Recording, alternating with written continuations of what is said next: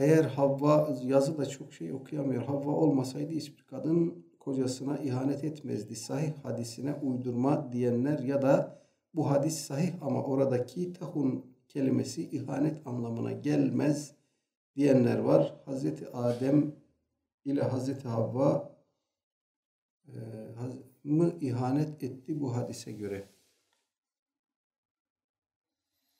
Ee, arkadaşlar buradan bir ilk günah e, felsefesi çıkar mı? Çıkmaz.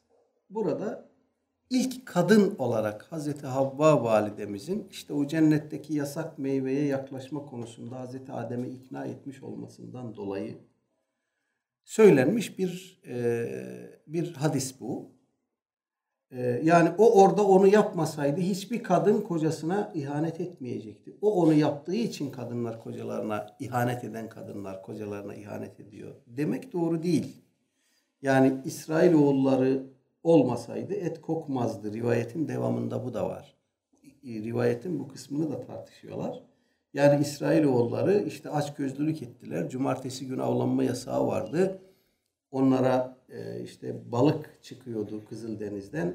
Aç gözlülük ettiler. Cumartesi günü de avlanalım, biriktirelim bunu falan dediler. Ondan sonra da kokmaya başladı. Veya bıldırcın e, onlara kudret helvası ve bıldırcın indirilirdi. Onları biriktirelim dediler. E, buradan onlar bunu yapmasaydı et kokmayacaktı tabiat olarak. Neticesi mi çıkar? Yok bu çıkmaz. Bunlar ilk örnek kabilinden anlatılan şeylerdir. Ee, ilk defa Hazreti Havva öyle yapmıştır kadınlar içinde. Eti kok, e, biriktirip de kokutan da ilk defa İsrailoğulları olmuştur. Aleyhisselatü Vesselam bunu anlatıyor. Yoksa burada bir sebep sonuç, illiyet daha doğrusu ilişkisi aramak doğru değil.